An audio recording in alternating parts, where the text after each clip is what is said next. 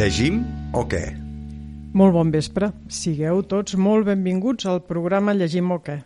Pràcticament són les 8 i 5 minuts i us donem la benvinguda aquí. Us parla Pilar Gili, que com cada dimecres sóc amb vosaltres des de Ràdio Castellterçol, emissora municipal, acompanyada de l'Albert Catot, el tècnic que té a càrrec seu els comandaments de so de l'estudi. A Llegim o què tractem sobre literatura, llibres, parlem amb els seus autors, eh, toquem tota mena de temes relacionats amb el plaer de llegir. Som un programa fet per lectors que tenim vocació d'estendre la passió per la lectura. I amb aquesta voluntat, la de reunir cada dia a més persones aficionades a la lectura, hem creat l'agenda de temes d'avui. Ara mateix us avancem quins són aquests temes. El tema central del programa el dediquem a parlar de l'escriptora Olga Tokarczuk, Efectivament, es tracta de l'escriptora guardonada amb el Premi Nobel 2018. Farem una breu biografia i parlarem d'algunes de les seves obres traduïdes al català i al castellà. Parlarem especialment de la seva novel·la titulada Sobre los huesos de los muertos, que per cert encara no tenim traduïda al català. Seguidament, dins la secció Recomanacions de proximitat, la recomanació d'aquesta setmana ve de la mà i de la veu de l'Inma Soler, persona que dinamitza l'espai de lectura de Castellterçol i que ens presenta un llibre de l'escriptor Jordi Cussà. Concretament ens parlarà de cavalls salvatges. A la secció El nom de cada cosa escoltarem la Dolor Girbau, que avui ens fa notar que els mots gaire i massa no són sinònims. I acabarem el programa, com és habitual, anunciant les activitats que hi ha previstes a l'agenda de l'espai de lectura.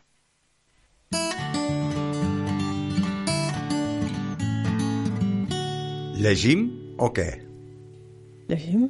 El mes d'octubre del passat 2019 es varen desvetllar els noms dels guardonats amb el Premi Nobel de Literatura 2018 i el Premi Nobel de Literatura 2019. En el cas dels Nobel 2018, potser recordareu que havia quedat ajornada la seva entrega per motiu d'un escàndol d'assetjament i abusos sexuals que va afectar a l'Acadèmia Sueca i que també va fer destapar tota una sèrie d'irregularitats en la institució que tria el prestigiós guardó.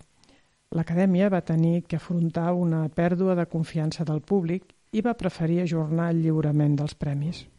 Arribat el 2019, es va fer entrega d'aquests premis, del del 2018 i del propi del 19, com ja sabeu.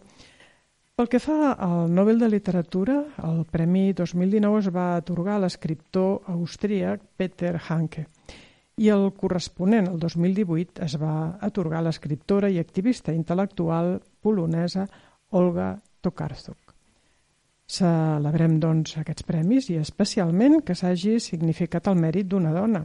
L'Acadèmia Sueca només ha premiat a 15 dones dels 118 premis Nobel de literatura atorgats.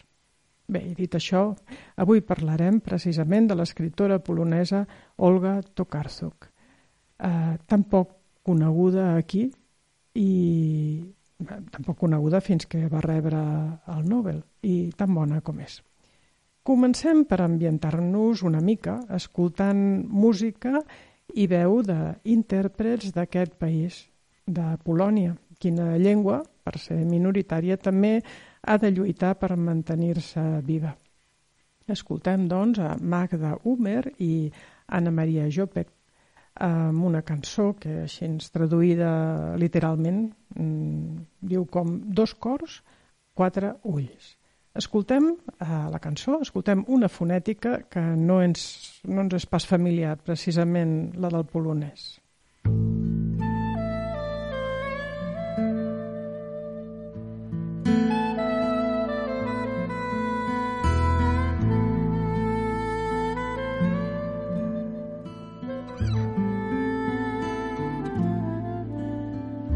Dwa serduszka, cztery oczy oj, oj, oj. Co płakały we dnie w nocy, oj, oj, oj. Czarne oczka, co płaczecie, że się spotkać nie możecie, że się spotkać nie możecie.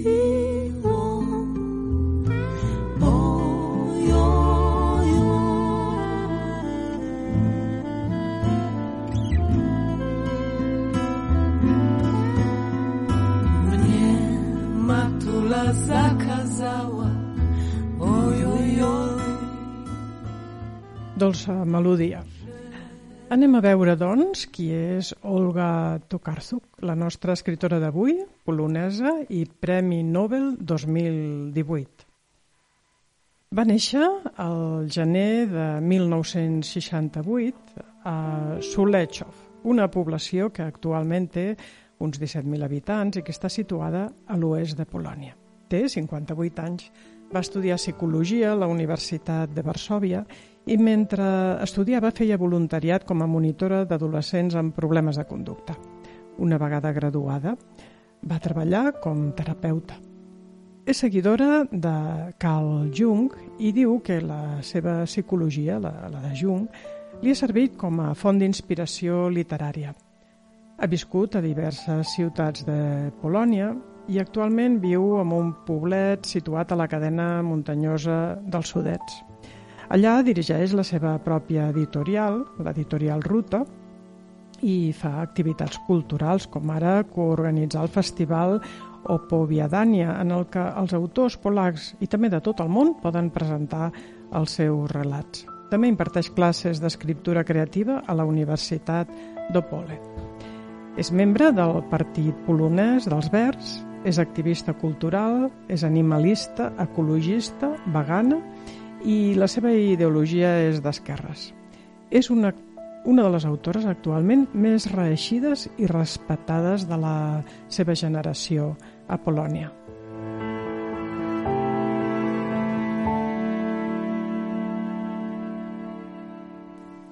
Va ser el 1989 que es publicà el seu primer llibre, un recull de poesia, un poemari que podríem traduir com Ciutats emmirallades. Més tard, el 1993, va debutar amb novel·la, amb la novel·la El viatge del poble del llibre, una paràbola sobre la recerca del secret del llibre per part de dos amants ambientada a la França del segle XVII. Es tracta d'una metàfora sobre el sentit de la vida. Amb aquest llibre va obtenir popularitat immediata per part del públic i de la crítica i va guanyar el premi del concurs literari de l'Associació dels Editors Polonesos com a millor òpera prima narrativa. Actualment té uns 18, unes 18 obres publicades.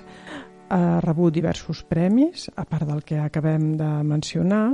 Ha estat també premiada amb el Premi Literari de la Fundació Kosielski l'any 97, el Premi Literari Vilanica a escriptors de l'Europa Central el 2013, el Premi Literari Nike, un dels més prestigiosos a Polònia, i també ha rebut diverses nominacions a aquest premi, fins que, finalment, el 2008 va rebre el, el premi, el 2018, perdó, el Premi Nobel de Literatura. Tanmateix, mm, són obres que han estat molt poc traduïdes al català o al castellà.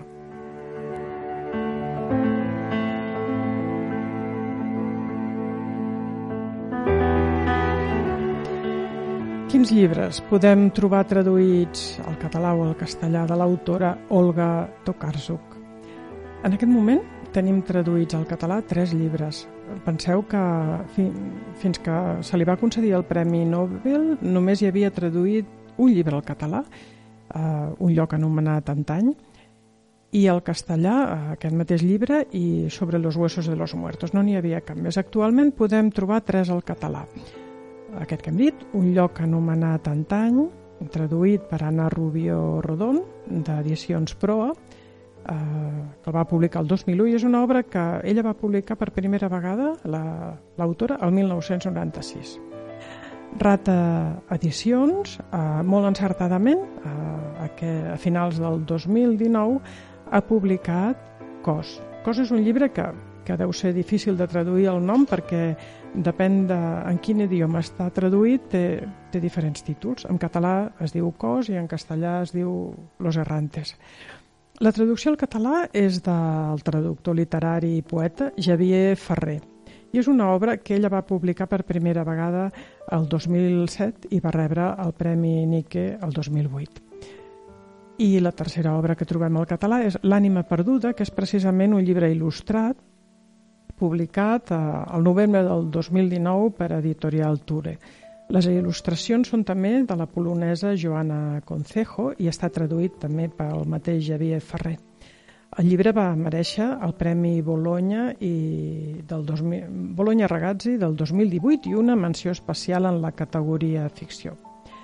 I traduïts al castellà eh, podem trobar Un lugar llamado Antaño, eh, que està publicat, eh, primer es va publicar per Lumen i crec que ara ho fa Anagrama, Los Errantes, eh, editorial Anagrama, sobre los huesos de los muertos, publicat per Ciruela Nuevos Tiempos, eh, la primera edició el 2016 i la tercera ara el 2019 i traduït per Abel Murcia, i Alma Perdida, eh, publicat per Editorial Ture que és aquest llibre il·lustrat del que hem parlat. Uh, precisament farem la ressenya de, sobre los huesos de los muertos perquè um, sembla una novel·la uh, que lamento que no estigui encara traduïda al català, però em sembla una novel·la molt singular. Des de l'originalitat de la seva narrativa com la de la seva protagonista, una persona sumament curiosa, potser una mica estrafalària, i també per la temàtica que té. Se la qualifica de novel·la ecologista. Ja veurem per què. Abans, però, escoltem una de les cançons que apareixen en el llibre que, que ara comentarem. Riders on the Storm, de The Doors.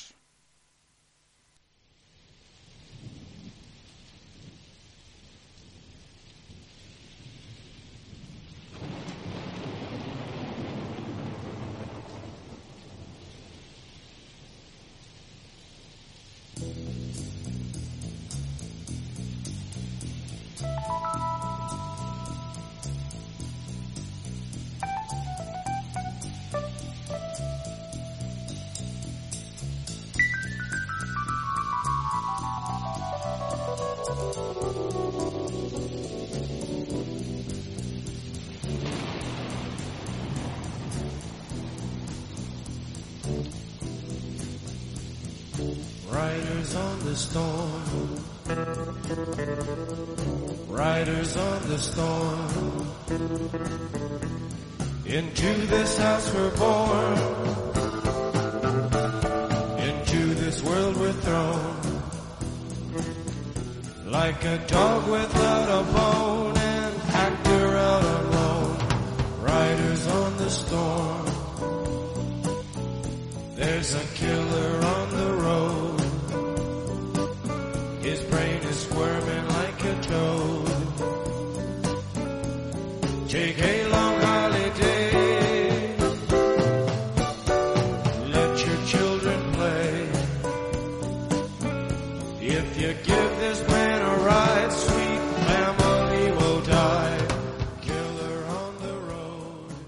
Sobre los huesos de los muertos, traducció, com dèiem, d'Abel Murcia, eh, és la referència a la ressenya que ara, que ara us comentaré. La, la novel·la ens explica la història de la Janina Dusheko, una dona enginyera de ponts i camins, jubilada, que decideix retirar-se a viure a una zona muntanyosa del sud-oest de, sud de Polònia, fronterera amb Txèquia. A prop hi té un poble, a, a prop si és que agafa el cotxe. i a peu, una mica més llunyanes, i té diferents cases aïllades, aïllades com la d'ella, i per tant viu bastant solitària, passa dies sense parlar amb cap veí. Viu amb dues gossetes. Ja comença a tenir alguns anys i algunes afeccions físiques. Es presenta a si mateixa eh, d'aquesta manera, que ara us llegiré en el primer paràgraf del llibre. Diu així. He llegado a una edad y a un estado en que cada noche, antes de acostarme, debería lavarme los pies y arreglarme a conciencia, por si tuviera que venir a buscarme la ambulancia.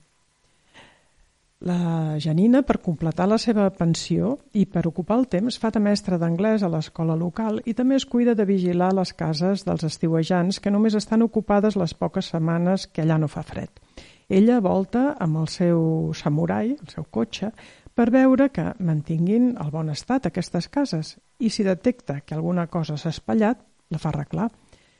També, juntament amb el Dioni, un exalumne, fa de traductora de l'obra de William Blake eh, hem de dir que l'autora la, d'aquest llibre eh, és, una, és una gran admiradora d'aquest poeta anglès i els capítols del llibre estan encapçalats per fragments de poemes de William Blake.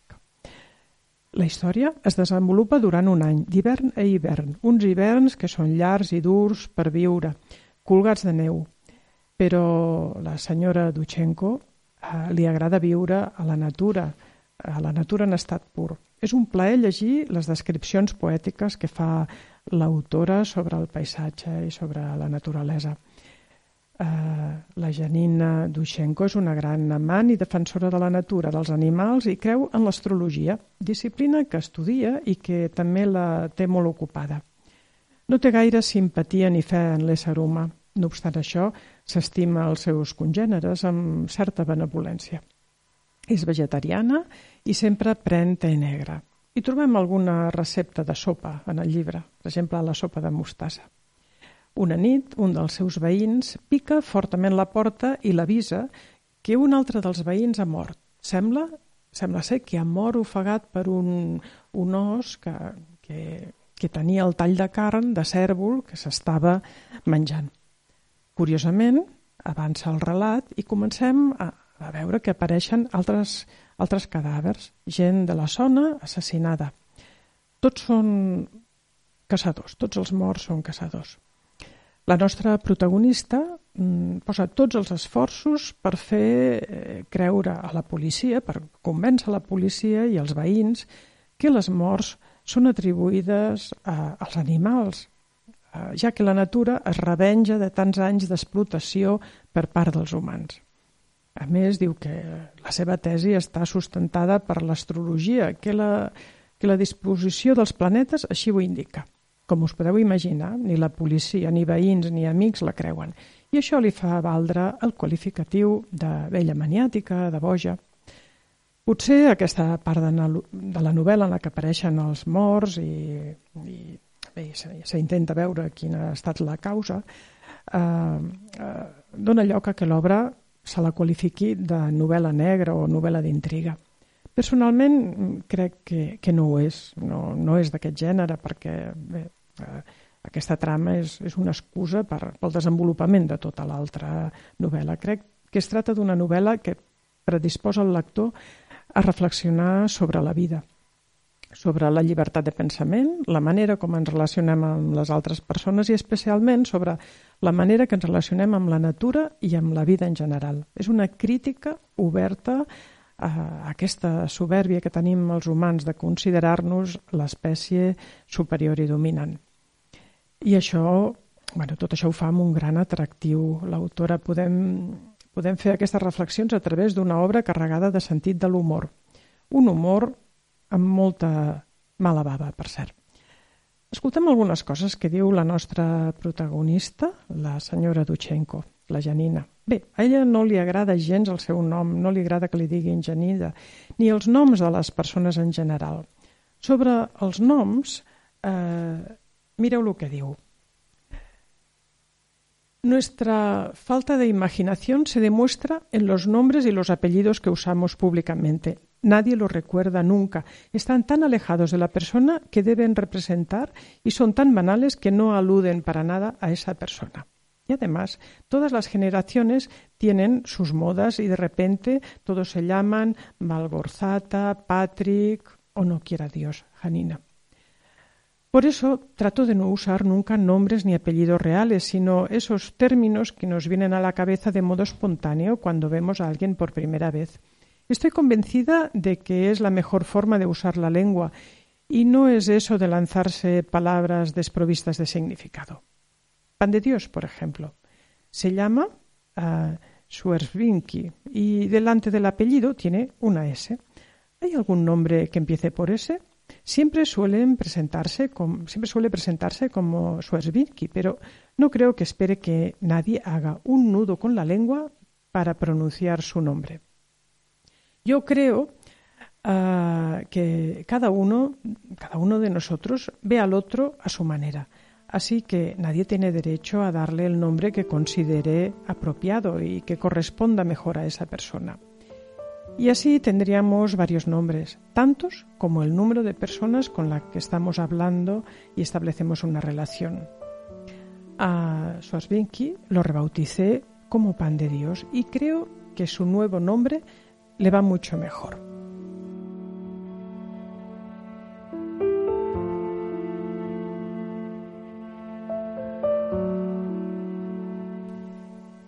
I així la, la Janina va batejant els seus veïns. Un es diu Pan de Dios, l'altre li diu Pies Grandes, el fiscal li diu Abrigo Negro, a una veïna estiuejant, que és escriptora, li ha posat el sobrenom de Cenicienta, el guardaboscos li diu Ojo de Lobo. Buenaventura és la noia de la botiga sempre sol·lícita i el capellà del poble li diu Padre Susurro. Veiem eh, l'explicació d'aquest sobrenom. Lo llamo así porque tengo la sensación de que al moverse su cuerpo seco y huesudo, cubierto de una piel flácida y oscura, susurra levemente. Su sotana se restriega como los pantalones contra los pantalones, la barbilla con el alzacuellos, las articulaciones crujen entre sí. Pero ¿qué tipo de criatura de Dios es aquel sacerdote? Tiene la piel seca y arrugada y es como si le sobrara piel por todas partes. Se dice que fue una persona obesa, que se trató la obesidad quirúrgicamente y se hizo extirpar la mitad del estómago, a raíz de lo cual adelgazó tanto. En lo personal no podría evitar la sensación de que estaba hecho de ese papel de arroz con el que se hacen las pantallas de las lámparas, que es una criatura hueca, artificial e inflamable.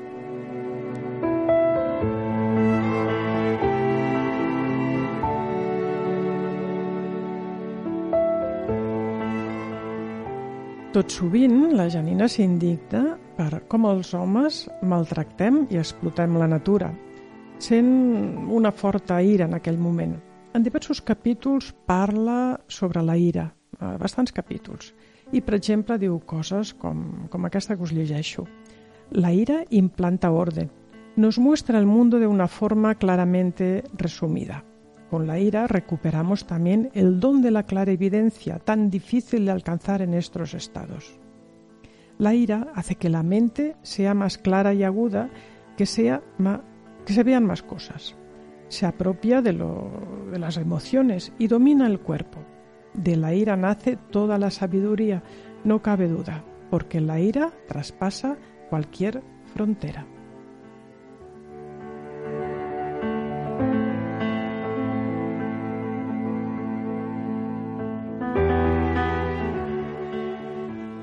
El relator de tota la novel·la és ella mateixa, la protagonista. Està escrit en, en primera persona.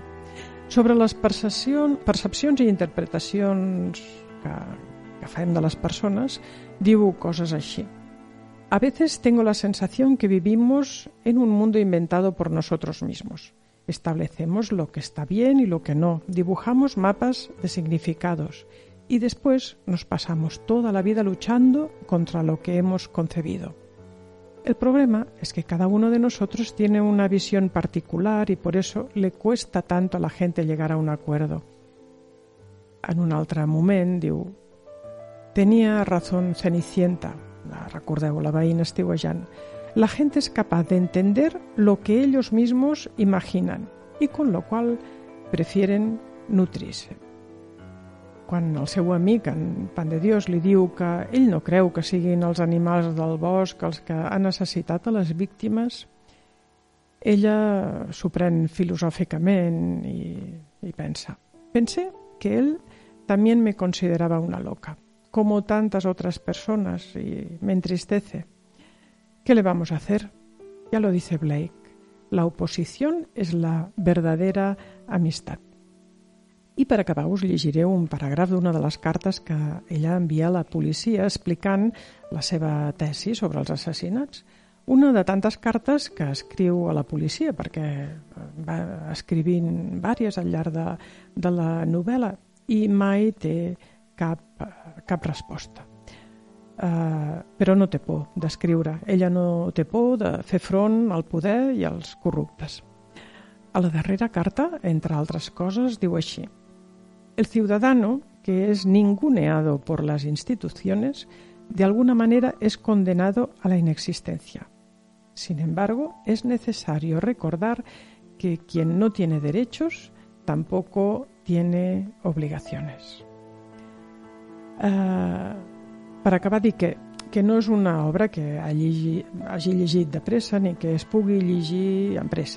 No per la complexitat de les paraules o de la narració, o de la seva estructura, que és molt senzilla, sinó perquè m'he parat moltes vegades pensant sobre les seves paraules, sobre la filosofia de la protagonista. Però sempre que ho he fet ha sigut amb el somriure als llavis. Us garanteixo que m'ha deixat amb, amb la boca oberta i m'he divertit sense tenir cap sensació de pèrdua de temps.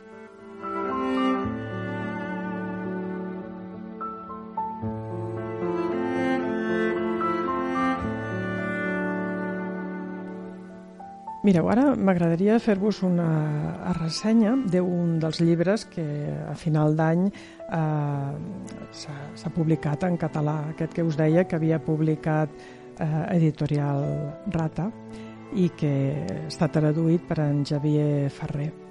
Eh, no, el tinc i, i encara no, no l'he llegit i per tant em, re, em remetré al que diu el propi traductor, en Xavier Ferrer, eh, el que diu en, en un article, l'ara llegim, de, de l'octubre de, de, de l'any passat. Sobre l'autora diu eh, que d'un llibre a un altre eh, l'autora et sotraga, cada, et fa sotragar cada vegada, perquè ha trencat amb tot allò que n'esperaves. Destaca la capacitat imaginativa de l'autora, eh, diu que és una gran fabuladora, i en alguns llibres eh, els primers, sobretot, li, hi ha reminiscències de realisme màgic. Barreja diferents gèneres i històries que s'entrellacen i fragments quasi assagístics. Sobre el llibre que es titula Cos, diu així. Uh, diu el, el traductor, eh, en Xavier Ferrer. No podem dir que és una novel·la. Pertany a aquest món narratiu tan propi de l'autora, on hi ha fragments íntims, observacions en aeroports, històries inventades i d'altres amb una base real com la de l'anatomista holandès Frederick Reich. En totes elles, el viatge, l'exploració i la interrogació de l'existència apareixen un cop i un altre. I el fet de trobar-nos amb la diferència, també perquè és la diferència, l'alteritat, la construcció impossible d'una identitat única, el fet eh, d'estar en un perpetu moviment en molts plans, reals i metafísics, el que narra un cop i altre, amb una gran riquesa de descripcions i una cura exquisita pels detalls, una llengua que tensa l'estructura de l'idioma. Tokarzuk ha creat tot un món únic en què ens veiem reflectits i aconsegueix que un calfred ens recorri cada cop que assistim als seus viatges narrats. Això és el que comenta el, el propi traductor de l'obra, en Xavier Ferrer, sobre l'obra Cos, eh, publicada eh, per Rata Editorial. I, i bé, mm, per acabar, eh, fer, fer un comentari sobre aquesta, eh, aquesta obra que, de la qual us he fet la resanya anterior, sobre los huesos de los muertos, eh, la podem trobar passada al cinema. Eh, Se n'ha fet una pel·lícula que porta per títol Esport, sota la direcció d'Agnieszka Holland. Pels que sou aficionats al cinema, identificareu aquesta autora, entre d'altres, per la pel·lícula Europa Europa dels anys 90. I amb una música també suggerent i una mica inquietant d'Antoni Lazarkiev. I ara n'escoltareu un tros de la banda sonora.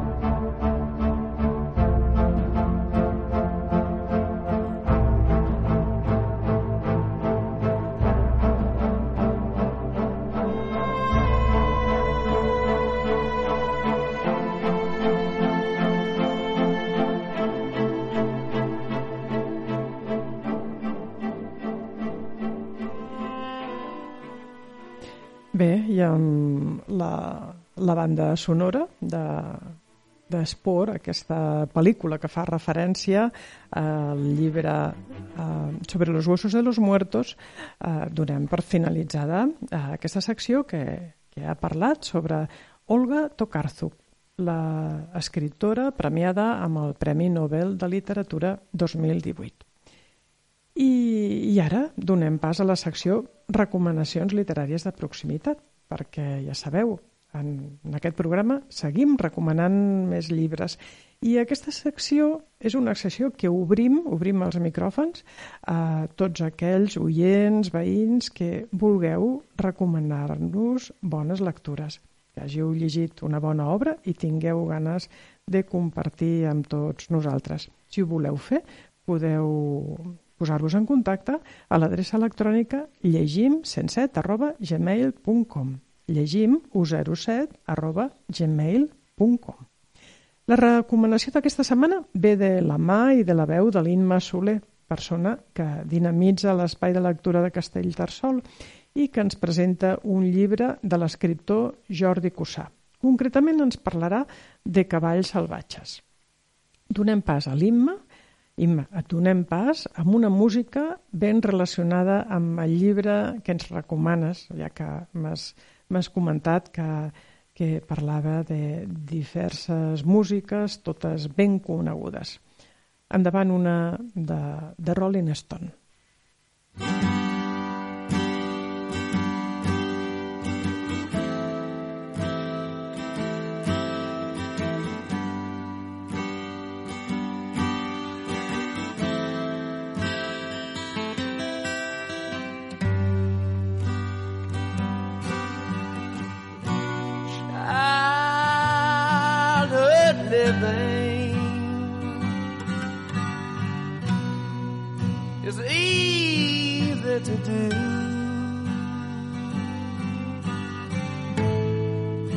things you wanted. I bought them for you.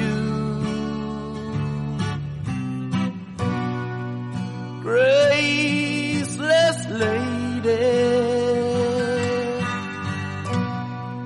you know who I am. You know I let you slide through my hands.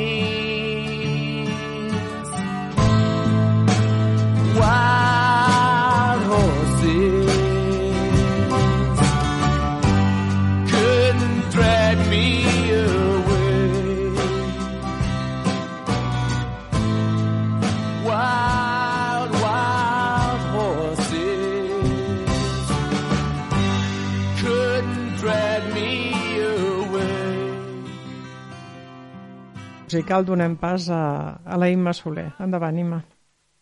Bona nit. Avui em toca a mi presentar o recomanar un llibre, vaja. I sempre és difícil triar-ne, però en aquest cas us vull recomanar un llibre d'un escriptor que es diu Jordi Cussà, eh, que potser no és gaire conegut, però que té mm, un gran valor literari. El Jordi Cussà eh, és nascut el 1960 1961 a Berga, on viu i treballa. També havia viscut temporades a Barcelona i a Nàpols. Uh, dels 20 als 30 anys de la seva vida va patir i gaudir el que ell en diu els anys vermells, que és tota una dècada marcada per les drogues, que és una experiència que comparteix amb bona part d'aquella generació que a vegades s'ha anomenat generació perduda i que l'autor també anomena generació dels pringats. Uh, aquesta experiència està recollida en la seva primera novel·la, que es diu Cavalls salvatges. Després de superar aquesta etapa tan dura, es va concentrar en la creació artística, primer en l'àmbit teatral. I actualment escriu sobretot narrativa, novel·les, també teatre i poemes. I ocasionalment també col·labora en mitjans de comunicació. Una altra de la seva ocupació principal és de traductor, traductor literari, de l'anglès al català. I s'ha de destacar que una de les coses que fa que m'hi hagi fixat és per la qualitat literària i també pel català que fa servir, que és un català del Berguedà, i això es nota. Llavors, el món que retrata i que descriu és el, és el submón. Tot aquest submón marcat per la droga, també parla molt de l'erotisme, del sexe, i són temes que amb la literatura, literatura catalana no estan molt tractats. Llavors això sobta. I a part que eh, està en l'àmbit de comarques, que normalment això ho atribuiríem més a Barcelona, als barris baixos, i en canvi aquí no, és fora de Barcelona, al Berguedà, a Osona, sobretot. També pel que fa a les paraules i a les expressions, són innovadores perquè eh, ell mateix s'inventa algunes ex expressions noves que són contraccions de dues paraules. Per exemple, amigamant, que seria amiga i amant, i ell ho ajunta. O emborratx fumar, que seria d'emborratxar i fumar. I llavors recupera també maneres de dir, com viure a salt de marge, que seria viure al límit, i d'una manera una mica desenfrenada. Té una llista de, llarga eh, d'obres, però avui ens centrarem en aquesta, en Cavalls salvatges, que es va publicar l'any 2000 a Columna, i que llavors hi ha una segona edició, que és la que jo vaig llegir, que està publicada a l'Albí el 2016. Us explico una mica, Cavalls salvatges, és, eh, el títol de l'obra ve d'una cançó dels Rolling Stones. De fet, tota la novel·la fa moltes referències a peces music musicals. I clar, com podeu suposar, la paraula cavall aquí, eh, a més a més, hi dona molts sinònims, com per exemple la Tatano, i fa referència al verí que va fer descarrilar moltes vides, o sigui, a l'heroïna dels anys 80 i 90 del segle XX. Uh, Cavalls salvatges, per ell, i ell mateix ho ha dit, és una novel·la catàrtica. És una ficció terapèutica que li va servir també com per esporgar el sentiment de culpa que tenia després d'una dècada que va estar enfonsat en el pou de l'heroïna. Es basa, per tant, en experiències viscudes, però a través de personatges ficcionats. Per exemple, surt Alexandre Oscar, Fermí, Lluïsa, Eulàlia... Eh, tots mantenen una gran part de veritat, però separant-se del que és l'autobiografia. Per tant, intervé la imaginació. Podríem dir que és una crònica àgil, però alhora molt dura. És molt fosca perquè el, des, el que es descriu és molt dur, però també molt líric, o sigui, és molt poètica. També és molt frenètica, té un ritme frenètic, eh? que venen ganes d'anar llegint per saber què va passant. Eh? És una generació que galopa constantment entre l'èxtasi i l'abisme, i com hem dit, que ell anomena generació dels pringats. Uh, més endavant, el 2015, publica l'obra Formentera Lady, que seria d'alguna manera, serien dues novel·les germanes, perquè de fet descriuen la mateixa experiència del món de les drogues, seria l'eix vertebrador, però el que canvia és la perspectiva, perquè el 2015 ja han passat uns anys i l'autor ja té una mirada com més analítica sobre tot allò, i, i es nota. En canvi, amb cabells salvatges potser la ferida és tan tendra que, que també potser respira un aire més vital, eh? però és diferent la perspectiva. Per tant, si llegiu Cabells salvatges, també és aconsellable llegir uh, l'altre. Uh, sí, és això, eh? es nota molt aquest, aquest ritme molt frenètic. També diu el Jordi Cussà que d'alguna manera el llibre és una mena d'homenatge a les víctimes mortals de les drogues i també de la sida, perquè una cosa anava molt lligada a l'altra, eh? i també com una mena d'homenatge a les famílies que van patir tot aquest dolor. Les escenes que recrea són molt visuals i també molt cinematogràfiques. També podríem dir que és una novel·la coral, perquè eh, hi han diferents personatges que agafen la veu, tot i que n'hi ha un de principal, però seria una mena de puzzle. Hi ha aquesta creativitat lèxica, i també la música, com he dit, eh, que va sortint en cada capítol. Un diàleg constant entre el plaer i el dolor, entre l'èxtasi i l'abisme, com dos extrems que es toquen. Ell mateix diu que l'hauríem de veure com un escriptor que, no, que un dia va ser yonqui, però no al revés. Ens hauríem d'allunyar dels tòpics. I amb les seves paraules mateixes diu per més yonqui que siguis, per més enganxat que et sentis, en lloc no està escrit que no et pugui agradar la poesia i que no et puguis emocionar llegint un fragment, un fragment de Shakespeare. Per tant, és un, una mena de collage narratiu colpidor d'una gran excel·lència literària i amb molta honestedat i defugint sempre el moralisme i la correcció política. Si us sembla, us llegiré un fragment perquè veieu una mica el to aquest fragment fa refer... és bastant a l'inici i fa referència al trencament amb una parella que va tenir i del qual ell n'estava molt enamorat i el dolor que va patir amb aquesta separació. Diu així. Després va arribar el moment que ja no gosava anar a l'estón, sinó de tant en tant, però passejava pels voltants fins a cansar-me'n, amb l'esperança que l'atzar ens tornés a posar l'un davant de l'altre – i sovint, massa sovint, creia veure-la en una cavallera atzabeja que entrava en un comerç, en una figura magra i estilitzada que trencava una cantonada. Què n'hauria tret de qualsevol trobada casual? No m'ho plantejava. Recordo que tenia una idea fixada al mig del cervell i em deia i repetia que si havia conegut aquella dona d'aquella manera, no podia ser perdre-la al cap de tres mesos. Ja en feia dos que no vivíem junts i jo encara estava convençut que qualsevol dia, de miraculosa manera, ho arreglaríem tot. Amb els anys he vist que això passa gairebé a tots els mascles i a moltes femelles, quan es trenca una relació unilateralment. Ho he vist en matrimonis de 50 anys i en parelles de 15, en persones que ho han paït en 10 dies i en persones que ho han cagat en 10 anys, que no ho han cagat en 10 anys, perdó. Hi ha casos, per sort excepcionals, que poden arribar a desenvolupar una autèntica ferida psicoemocional, allò que els especialistes en diuen trauma, i pot hipotecar o malmetre tota una vida. No vull pas dir que el meu fos un cas tan greu, perquè l'únic preu que em vaig pagar quan finalment va marxar cap a Amsterdam amb un amic holandès van ser tres mesos d'orgia diària, amb àcids, sexe i alcohol. Setmanes després del seu adeu, vaig rebre una carta on em deia que tenia feina de rentaplats i que estava prou bé. Em feia la confiança d'enviar-me el telèfon i l'adreça per si un dia. Però res de ximpleries ni de persecucions. Quantes vegades he lamentat haver perdut aquelles quatre ratlles, no ho sé comptar.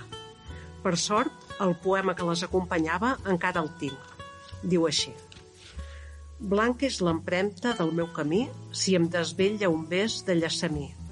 L'oneig dels rínxols en blau fermenta, si esmorzo un pastís de nata amb menta. Cafè sol amb gel i un cel tot sol païnt la mandra amb un gladiol. Tarda i la pell tesa de la losa put a cony de mar i a pits de rosa. L'ocàs és essència de lilàs, quan l'hora és àrida dins del mas.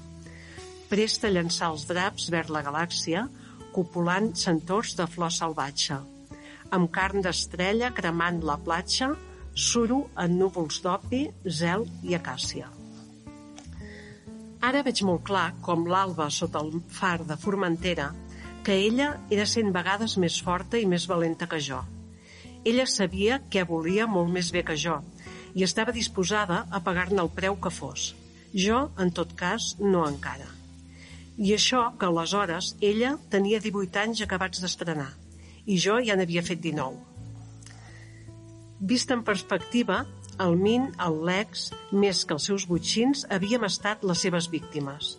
Víctimes, això sí, tan culpables com els butxins i com la víctima i culpable, ella. Rodolant com un roc pels torrents d'aquest món, degenerat, m'he topat amb persones que s'han enganxat a un determinat tipus de mala vida o a un determinat tipus de droga dura, amb tot el que això pot implicar, inclosa la mort i coses pitjors, només perquè li convenia a algú altre. Però aquest, per sort i enferm, no era el cas de la Llisa, el Min i el Lex.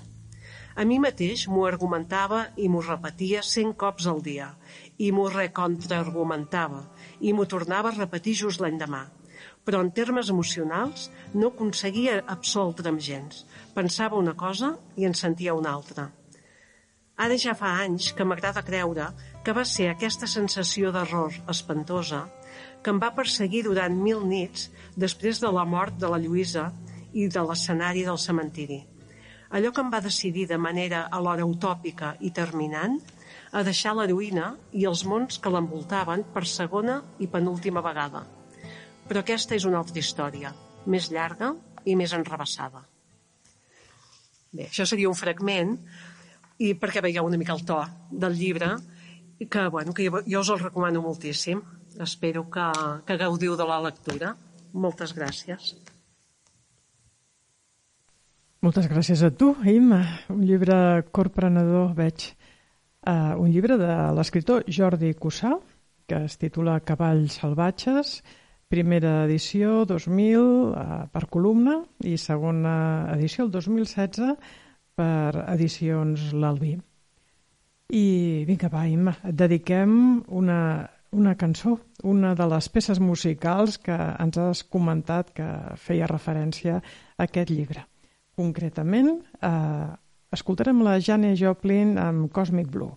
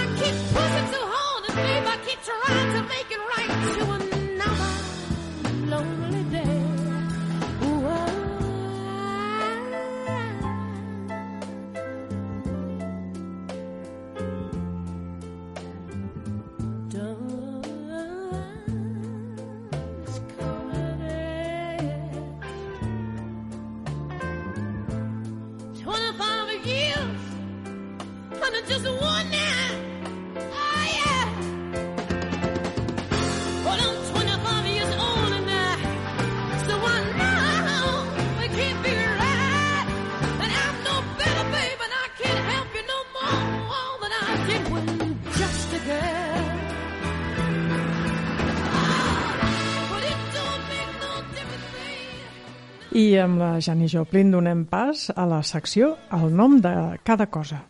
a aquesta secció de la Dolors Girbau que ens ofereix una oportunitat per millorar la nostra llengua.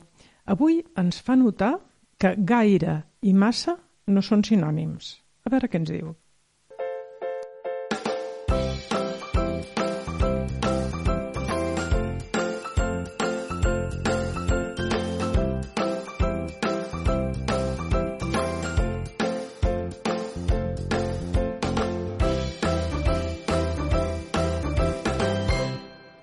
El quantitatiu massa sempre vol dir en excés o més que no cal. Mengen massa, els farà mal, o sigui, mengen en excés. És massa car, no ho comprarem, o sigui, és car en excés. Corren massa de pressa i no els atrapem, o sigui, corren més que no cal i no els atrapem. El gaire, com a adjectiu, és invariable. Pel que fa al gènere, s'escriu igual, tant si acompanya un nom masculí com un de femení. Aquest acudit no és gaire divertit. Aquesta anècdota no és gaire divertida, però sí que té plural, gaire i gaires. Per exemple, als reis no li van dur gaires jocs, però sí molts llibres. També tenim l'expressió gaire res, que és el mateix que dir poca cosa. Posem-hi un exemple. Què has menjat per dinar? No gaire res, i ara tinc una gana. En algun context molt concret, gaire pot alternar massa, però només el quantitatiu massa equivaldrà a dir en excés, com he dit abans. Si t'hi acostes gaire, pots caure dalt a baix. Si t'hi acostes massa, pots caure dalt a baix. Però darrerament, i cada vegada més, s'utilitza el quantitatiu massa a tor i a dret, de manera que va usurpant el lloc del gaire. Hem de fer servir gaire amb un sentit semblant a molt en oracions negatives. Ahir no es va trobar gaire bé. No seria correcte dir no es va trobar massa bé. En oracions interrogatives. Trigarà gaire a arribar? No, no gaire. En oracions dubitatives. Dubto que mengis gaire. Estàs molt prim. Seria incorrecte dir dubto que mengis massa. I en oracions condicionals amb un sentit semblant a molt. També hi posem gaire. Si hi ha gaires llocs buits, no es farà pas l'acte. No seria correcte dir si hi ha massa llocs buits. I dos exemples més per veure clarament com amb tota naturalitat el mot massa va ocupant el lloc que pertoca al gaire i que no ho hem de tolerar. Avui anem d'excursió? No fa massa bon dia. Hauríem de dir no fa gaire bon dia.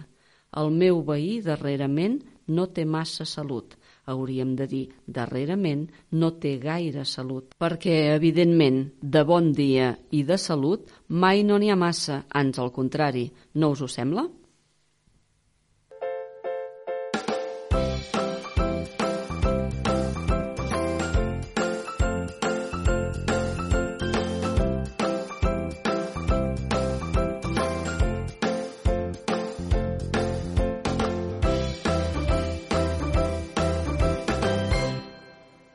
Moltes gràcies, Dolors. Mai és massa en aquest programa si fem referència a la millora del català. I bé, per acabar, l'agenda la, de l'espai de lectura. Què tenim aquest febrer? Mireu, demà, demà dijous, a dos quarts de sis, a l'espai de lectura tindrem contes aventurers a càrrec del grup Para bé l'orella. Podrem escoltar a la Teresa Rufat i a l'Antonio Bermejo amb aquests contes aventurers tan, tan divertits. I dimecres 26, a dos quarts de vuit, tenim tertúlia amb l'escriptor Jordi Lara. L'escriptor Jordi Lara ve aquí, a Castellterçol, eh, a fer una tertúlia a propòsit del llibre eh, que hem estat estem llegint els membres del Club de Lectura. El llibre es diu Una màquina d'espavilar ocells de nit. Aquesta tertúlia, no obstant, és oberta a, a tothom. A, formeu part del Club de Lectura, com si no, tant si heu llegit el llibre com si no, perquè sempre és bo poder parlar amb un escriptor i en aquest cas concret amb el Jordi Lara. Dimecres 26 a dos quarts de vuit a la Casa Museu Prat de la Riba aquesta vegada. I estem acabant Ens podeu escoltar la redifusió el diumenge de 1 a 2 del migdia. L'Albert Catot i jo mateixa us desitgem uns bons dies i unes bones lectures.